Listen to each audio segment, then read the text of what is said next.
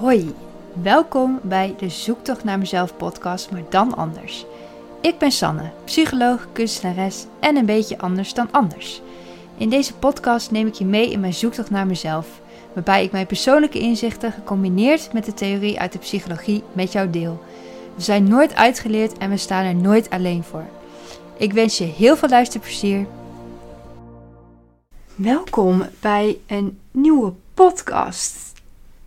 En vandaag heb ik eerlijk gezegd niet echt voorbereid, want ik ben een beetje chaotisch, omdat mijn huis is echt nog een zooitje, echt ehm, ja, best wel heftig. En als mijn omgeving een zooitje is, dan heb ik dus in mijn hoofd ook een zooitje. Dat is, ja, dat hebben denk ik meer mensen wel. Dat, volgens mij herkennen mensen dat wel. Dat als hun huis een zooitje wordt, dat je dus ook merkt van, oh ja, dan gaat het ook minder goed met me. In ieder geval, ik heb wel eens een gesprek gehad met een vriend van mij die ook zei van, ja, ik merk gewoon dat mijn huis aan het versloffen is. Dat ik dat allemaal een beetje laat liggen. En dan merk ik echt, dat zei hij dus, dat hij echt aan zichzelf dan merkte dat het dus minder goed met hem ging, ook mentaal gezien, zeg maar. En ik heb ook ehm, mijn bril op. Ja, niet heel boeiend eigenlijk om te vertellen, maar ja, er was iets mis met mijn lens, waardoor ik mijn bril op moet. En dan voel ik me ook een beetje uit mijn. Ja, het is echt heel raar, maar ja, het voelt toch een beetje gek om dan met een bril op uh, sowieso voor en achter een camera te zitten. Want als ik mijn bril op heb, gewoon thuis s'avonds, dan boeit het me eigenlijk niks. Maar ik heb eigenlijk altijd mijn lenzen in en nu dus mijn bril op.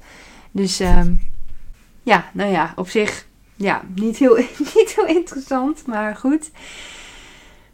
Waar ik het vandaag over wilde hebben is dat ik eergisteren heb ik mijn traject afgesloten met mijn psycholoog. En dat is best wel ja, een heftig moment geweest. En eigenlijk is het een beetje onverwachts gekomen. Want de vorige afspraak, dus niet de afgelopen afspraak, maar die afspraak daarvoor, was ik. Hebben we het wel gehad over dat we het eventueel gaan afsluiten. Maar we hadden nog niet afgesproken van wordt de volgende keer dan een laatste gesprek. Of gaan we nog een gesprekje doen. En we hebben dus ervoor, ervoor gekozen, gist, of eergisteren, tijdens het gesprek van... Ja, er is eigenlijk... Er zijn niet echt nieuwe dingen meer die... Ja, waar we het over moeten hebben. En nou ja, ik, ik wilde even terugblikken van hoe is het traject voor mij geweest. En ik heb natuurlijk in een eerdere podcast al wel wat over verteld van hoe het was. Maar ja, misschien nu nog iets uitgebreider. Ik kwam natuurlijk binnen bij een andere psycholoog. Toen woonde ik ook nog ergens anders. Dat was meer uh, bij Arnhem in de buurt. Dat ik kwam binnen met eigenlijk met een depressie. En toen ik eenmaal in behandeling daar was, en dat heeft best wel wat maanden geduurd, kwamen we tot de conclusie van hé, hey, het, het, we komen niet echt verder. De klachten worden niet per se beter.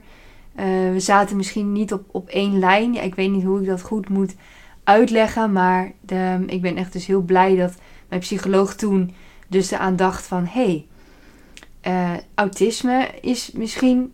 Ja, kunnen we onderzoeken of dat iets is? Nou, en dat hebben we toen dus gedaan. Dus ben ik bij die psycholoog... Uh, een collega van haar heeft dan het diagnosetraject gedaan. En nou ja, er kwam dus uit, nou, autisme spectrumstoornis... En toen hebben we eigenlijk ook bij die psycholoog hebben we daar de behandeling afgesloten en ben ik doorverwezen naar een autisme kenniscentrum in Zwolle. Omdat uh, ja, bij mijn andere psycholoog, daar was gewoon ja, niet de expertise om een vrouw met autisme te begeleiden. En ik verhuisde toen ook weer terug naar mijn ouders. En daar was Zwolle ook weer meer in de buurt. Dus toen heb ik gesprekken in Zwolle dus gehad. Of in ieder geval gesprekken. Toen ben ik daar dus redelijk snel kon ik daar ook terecht. En toen begonnen we met psycho-educatie. Alleen eh, toen viel mijn, eh, mijn psycholoog die mij begeleidde, die uh, viel uit. Waardoor mijn behandeling ook even een paar maanden stil heeft gelegen. Omdat ik het ook wel lastig vond om ehm, dan inderdaad met iemand anders een gesprek aan te gaan. Ik heb inderdaad wel met, uh, trouwens met, met nog één iemand een andere psycholoog eh, heb ik nog wel inderdaad een gesprek gedaan. Maar dat was ook niet. De klik tussen behandelaar en cliënt is echt enorm belangrijk. In ieder geval als cliënt zijnde merk ik dat dat echt heel belangrijk is. En ik, ik, ik had dat niet ook met de psycholoog uh, waar ik dus mee was gestart in Zwolle. Daar had ik ook het gevoel. ehm, ja, daar had ik gewoon denk ik niet die klik mee. Ik, ja, moeilijk te omschrijven wat dat precies is. En je hebt natuurlijk, als je eh, in behandeling bent, heb je vaak, ja, dat is een verzekeringstechnisch iets, dat je een GZ-psycholoog hebt. Die is de hoofdbehandelaar. Dus de intake was wel, eh het allereerste gesprek was wel met de GZ-psycholoog, de hoofdbehandelaar. En die houdt eigenlijk een soort, ehm, ja, die heeft dan een team onder zich van mensen die mij dan behandelen. En die, de GZ-psycholoog, die houdt dan ook een beetje de voortgang bij en die kan ook bijsturen.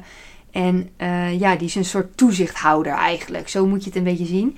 En mijn, degene die mij dus behandelde, dat, dat zijn nog geen GZ-psychologen. Daar moet je nog een andere accreditatie voor halen om dat te worden. En dan moet je dus eerst werkervaring opdoen. Dus zij gaan uiteindelijk denk ik ook voor GZ-psycholoog. Maar zij zijn nu zeg maar ja, basispsycholoog. Of ik weet eigenlijk niet precies wat de goede benaming is. Maar in ieder geval wel gewoon licensed. Ik weet niet hoe je het zegt Nederland. Bevoegd om mij te behandelen. Maar uiteindelijk ben ik dus wel terechtgekomen. Na die aantal maanden dat het stil heeft gelegen, kwam ik, liep ik toch wel weer heel erg tegen dingen aan. En toen heb ik het dus voor ja, gevraagd van... Kan ik toch weer in behandeling...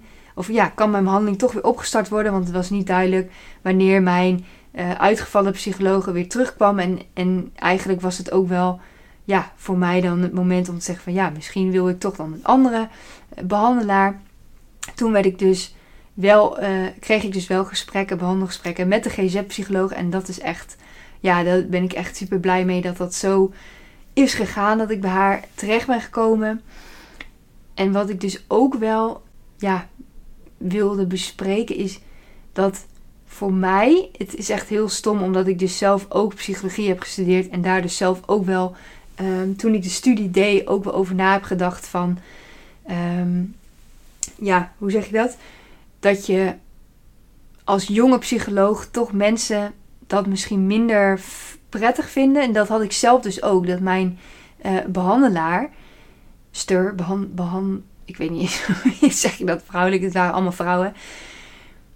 Die was volgens mij jonger dan ik zelf. En dan had ik toch, dan ehm, ja, mis je toch een soort levenservaring. En natuurlijk moeten ze ergens beginnen. En ik denk dat het ook ligt aan de bepaalde klachten. Dus als jou als je. Ja, dit, dit klinkt ook weer een beetje eh, lullig tegenover andere mensen. Maar als je dus oppervlakkigere klachten hebt. Dus klachten waarmee je, waarmee je minder diep hoeft te gaan om daar dan uit te komen. Dat dat gewoon wel prima werkt. En dat je dan. Dat zij behandelaren ook. De behandelaren ook. Naarmate dat zij ervaring opdoen in hun vak. Dat ze dan ook. Ja, beter diepere dingen kunnen aangaan met cliënten.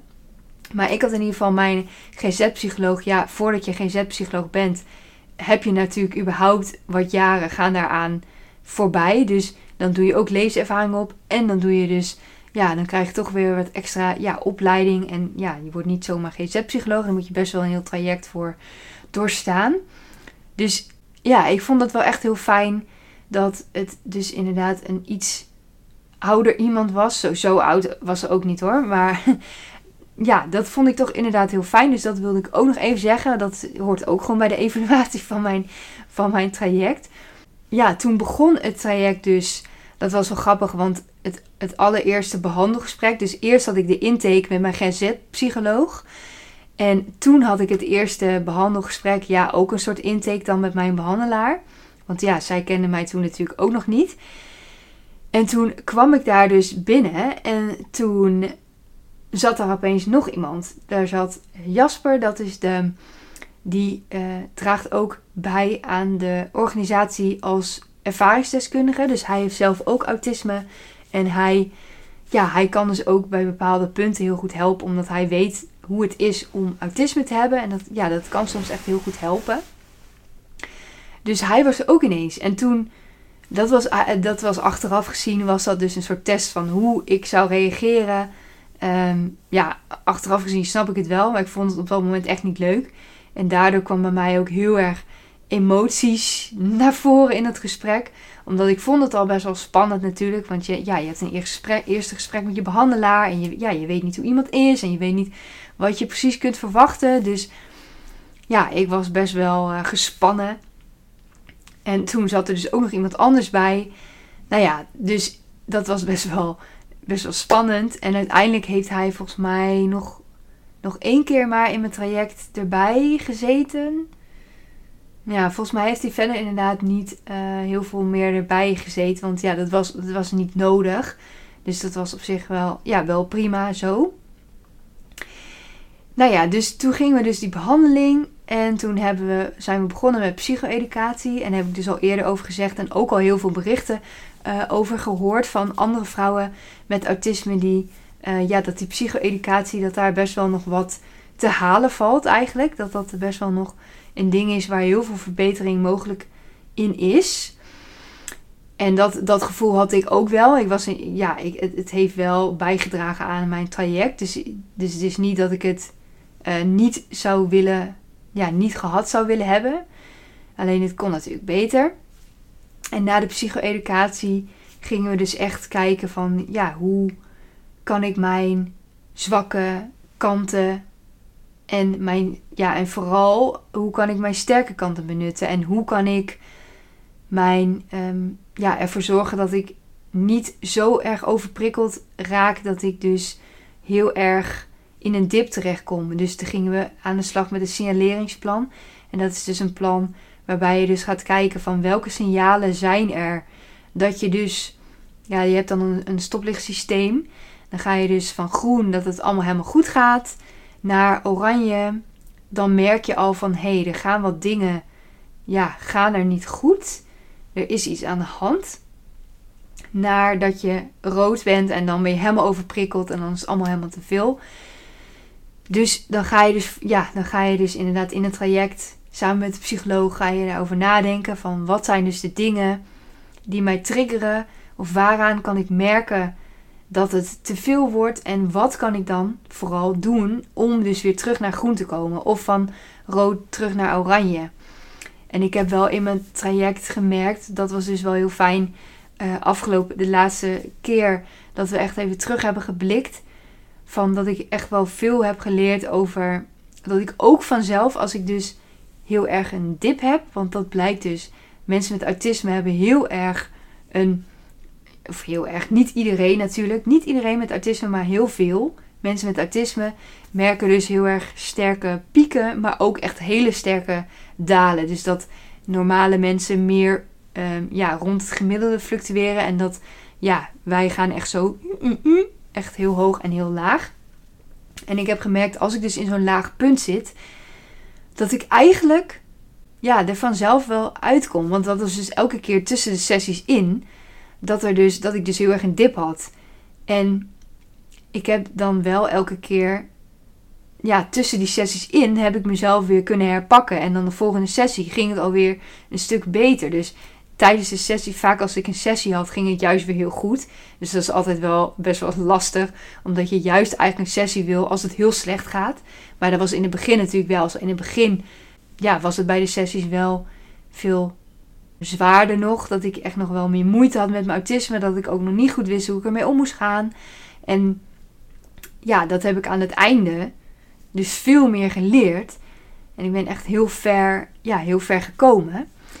En in de gesprekken is er dus heel veel aandacht besteed aan hoe kan ik herkennen uh, wanneer het te veel wordt en, en wat kan ik doen om mijn grenzen meer te bewaken. Eigenlijk was dat wel een beetje het hoofddoel van de, van, ja, van de sessies. Van hoe kan ik mijn grenzen bewaken? Ik, mijn grenzen zijn, ja, liggen anders dan mensen zouden verwachten van mij. Maar ik ben zelf degene die dat dus moet bewaken. En ik had dus ook een, een gesprek uh, daar heb ik het vorige keer niet echt over gehad. Maar uh, over dus mijn uitkeringsgesprek bij de gemeente. Dan moet je dus, als je verhuist naar een andere gemeente, moet je helemaal opnieuw de aanvraag doen. Dus dan moet je ook een nieuw gesprek van, ja, hoezo kun je niet werken, zeg maar? Of hoezo kun je niet je eigen geld verdienen?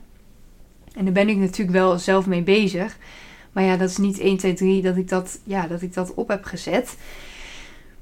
En uh, toen heb ik dus van tevoren ook aangegeven tijdens het gesprek van... Ja, je ziet, dus, je ziet het niet aan mij en je merkt het ook helemaal niet.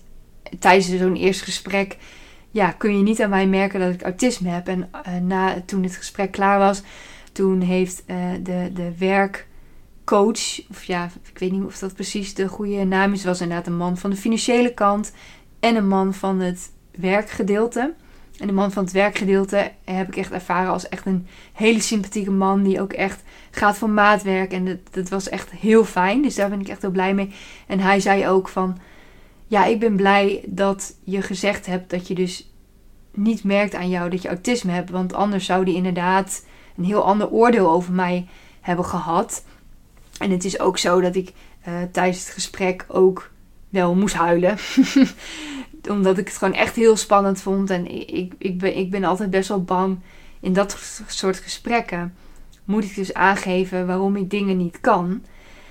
En dan moet ik dus wel zeggen dat ik dus wel een masteropleiding heb. En dat ik, ik kom dus over alsof ik het wel allemaal kan. En dat mensen mij dus overschatten. En dat ze dus zeggen van ja, maar uh, ja, je stelt je gewoon aan. Dus daar was ik heel bang voor. Dus ik ben heel blij dat, kijk, maar dat soort dingen, dat ik dat dus zeg, van, dat ik dat aangeef, van joh, je kunt het niet aan mij zien, maar nou, dit en dat is het geval. Dat had ik dus, voordat ik begon aan dit traject, had ik dat nooit durven zeggen. Was ik dat helemaal, ja, had ik daar helemaal niet, misschien niet eens over nagedacht om het te zeggen. En ik heb nu ook heel erg, ook met de verhuizing, dat de mensen om mij heen, heb ik wel proberen aan te geven van ik ben best wel gestrest. Ja, dat ze een beetje weten wat ze kunnen verwachten van mij. Of ja, dat ze wel kunnen verwachten dat er misschien een uitbarsting komt. En dat was dus ook uh, ja, tijdens de verhuizing.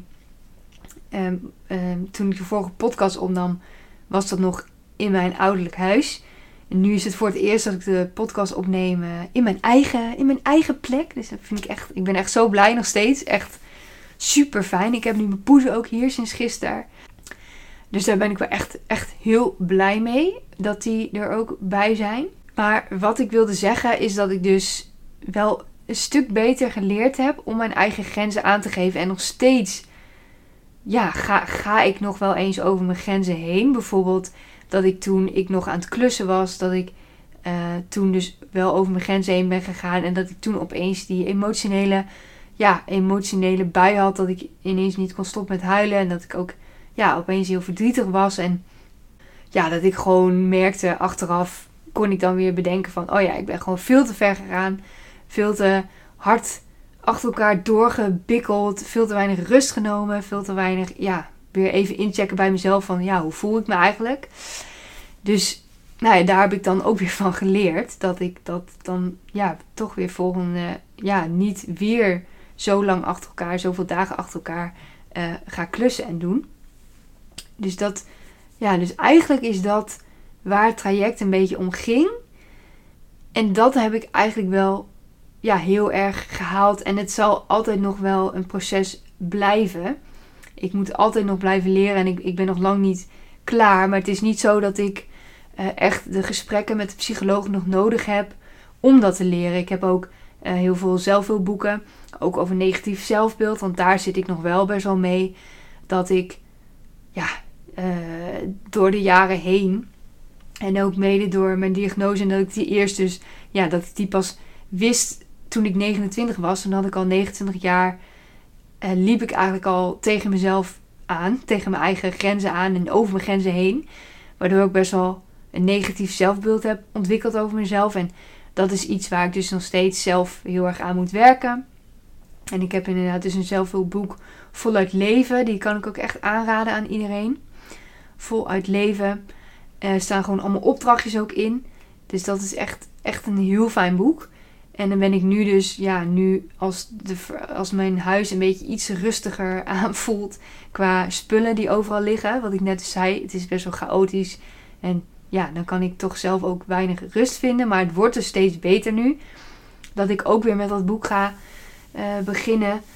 Of weer, dat, ja, ik was er half aan begonnen, maar toen kwam dus dat huis op mijn pad. Dus toen ben ik eigenlijk gelijk, ja, ben ik niet eraan begonnen. Dus nou ja, dat boek wil ik, daar wil ik ook mee bezig gaan. Om dat, ja, om daar aan te werken. En ja, met de psycholoog, dat was wel interessant. Want tijdens het eindgesprek hebben we dus ook, ik moet dus ik moest altijd, uh, aan het begin heb ik een vragenlijst ingevuld over hoe ik me voel en wat voor soort klachten je hebt. En over depressieve klachten en over allerlei soorten klachten. Dat er um, eigenlijk, als je naar die tabelletjes keek, van uh, op, op verschillende momenten heb ik dus die vragenlijst ingevuld. Eigenlijk heel suf. Maar op uh, depressieve klachten was ik verbeterd, zeg maar. Als je het voor en na vergelijkt met elkaar. Maar als je keek naar, ehm, ja, ik weet niet meer hoe nou precies die schaal ook weer heette, uh, gevoeligheid of zoiets, dat ik daarop juist was verslechterd qua klachten. Maar dat kan ik eigenlijk heel goed uitleggen hoe dat kan. Want ja, qua depressieve gevoelens ben ik dus gewoon verbeterd, omdat ik mezelf gewoon veel beter voel. En dat ik nu ook veel beter weet hoe ik met mezelf moet omgaan, waardoor ik dus veel minder uh, mezelf ja, depri voel. Omdat ik weet dat ook heel veel dingen met mijn autisme te maken hebben. En dat is gelijk dus de reden waarom dus gevoeligheid, waarom ik daar nu hoger op score. Omdat die depressieve gevoelens, die over, overschaduwden in het begin heel erg al die andere dingen. Dus ik was toen heel erg, kwam ik eigenlijk binnen met nog wel die depressie. En daardoor werd alles, ja, schoof ik alles op die depressie, zeg maar. Want die moet natuurlijk zelf die vragenlijst invullen. Dus heel erg uh, subjectief. Dat het ja, heel erg mijn mening is. Niet echt objectieve meting. Ja, dat kan natuurlijk niet. En dat aan het einde zijn die depressieve gevoelens weg. En weet ik dat heel veel dingen dus met mijn autisme te maken hebben. Dus dat ik weet dat ik gewoon gevoelig ben. En dat is helemaal niet erg. Want ik weet ook hoe ik met die gevoeligheid moet omgaan. En dat wist ik in het begin dus niet. In het begin dacht ik, nou, het ligt allemaal aan mij. En ja, daardoor werd ik dus best wel depressief. En lag de aandacht dus daarop. En nu aan het einde denk ik, ja, ik heb gewoon die gevoeligheid. En ja, daar ervaar ik natuurlijk best wel klachten van. Maar aan de andere kant, ja, kan ik daar ook wel weer mee omgaan. Het is niet um, dat nu mijn traject is afgesloten. Nou, ik ben helemaal klachtenvrij en ik kan gewoon, uh, ja, ik kan gewoon gezellig weer uh, doorgaan. Ja, zo, zo zit het ook niet. Dus het is wel uh, ja, eigenlijk, ja, ik vond het ook voor de psycholoog wel een soort van lullig. Dat, ja, als je die vragenlijst dus zag, zag je dus niet echt heel veel punten verbetering. Maar als ik zelf terugkijk naar het traject, kijk ik wel terug op hoe ver ik vooruit ben gegaan en hoeveel groei ik heb meegemaakt en hoeveel ja, ik heb geleerd over mezelf. En ik ben ook blij dat het traject ik heb dus ehm, ehm, vanuit mijn psycholoog, zij hebben ook een portaal waarin je ook allerlei documenten hebt. In dat traject, of in dat portaal kun je ook berichtjes sturen naar de psycholoog. En we hebben dus wel het traject eergisteren dus officieel afgerond. Maar het is nog wel dat ik tot 30 september de tijd heb om dus nog die documenten op te slaan. En om ook nog, als er wat is, contact op te nemen met de psycholoog dan kan zij in ieder geval wel een berichtje terugsturen. Dus dan, dat voelt dan voor mij ook wel fijn om, ja, dat het toch een soort overgangsperiode is. Dat het niet opeens heel abrupt stopt. Ik vond het wel heel, ehm, ja, een beetje ongemakkelijk om afscheid te nemen van de psycholoog met iemand die je toch wel, ja, best wel heftige dingen deelt. En dat je dan opeens zegt nou, hier stopt het. Uh, klaar. Want je bouwt toch wel een soort band op met iemand. Ook al is het een professionele band. Maar eh, mijn psycholoog heeft ook wel dingen over haar eigen leven gedeeld, zeg maar. Dus het is ook wel dat ik het gevoel heb dat ik haar een beetje ken. Ja, vast natuurlijk niet. Uh, ja, het, het, het, blijft wel professioneel. Dus het is heel anders dan als je opeens van een vriendin afscheid neemt. Maar toch iemand die wel in je leven is, waar je dus wel echt gesprekken mee hebt. Dat stopt dan opeens. Dus dat is best wel ja, vooral met mensen, vrouwen met autisme, is dat gewoon best wel een ding. En inderdaad, niet het afgelopen, het laatste gesprek, maar het gesprek daarvoor, toen we dus hadden over eventueel afsluiten. Toen had ik echt zoiets van: Oh, wil ik dit wel? Toen had ik echt zoiets. Uh, ja, toen, toen maakte het me best wel. werd ik best wel gespannen aan het idee van er is, geen, er is niemand meer om op terug te vallen. En ja, dat vond ik best wel moeilijk. Maar ik heb wel dus in de tussentijd wel kunnen wennen aan het idee van. Daarom heeft mijn psycholoog natuurlijk ook van tevoren al aangegeven van ja, we kunnen nu gaan afsluiten. Dan kan ik dus al wennen aan het idee. Want ja, zij weet natuurlijk ook dat ik die tijd nodig heb. Dus ja, daar houdt ze natuurlijk ook rekening mee in hoe zij dingen brengt. Um, en, en, en ook tijdens het laatste gesprek merkte ik ook van dat ik wel een beetje zo gespannen raakte. Ik dacht van ja, wil ik dit, wil ik dit? En dat, dat ik, ja, ik, ik het was ook echt de vraag tijdens het gesprek van gaan we dit nu uh, afronden? En dat ik dan wel gelijk moest antwoorden. Want soms heb ik ook gewoon tijd nodig om dingen te bedenken. En, en dat is dus ook weer een ding met die grenzen. Dat ik mijn grenzen aan moet geven.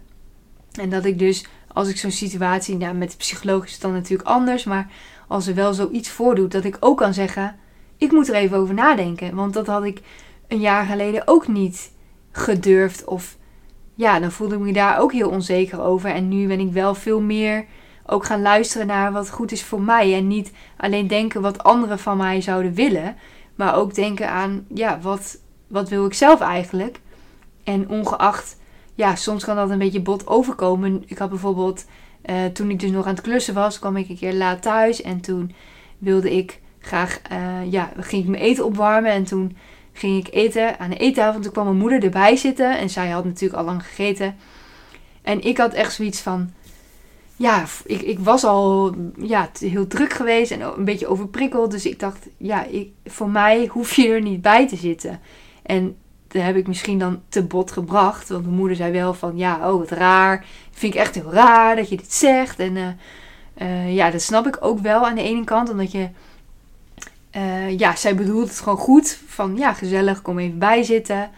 Zij offert haar tijd eigenlijk op om bij mij te komen zitten. En ik zeg nee, ja, je mag weggaan. Dus op zich snap ik dat ook wel. Maar het is wel weer een voorbeeld van hoe ik dus wel mijn grenzen aangeef. Want ja, omdat zij dus, ze ging wel weg uiteindelijk. En toen kon ik gewoon even rustig, ja, bijkomen, acclimatiseren.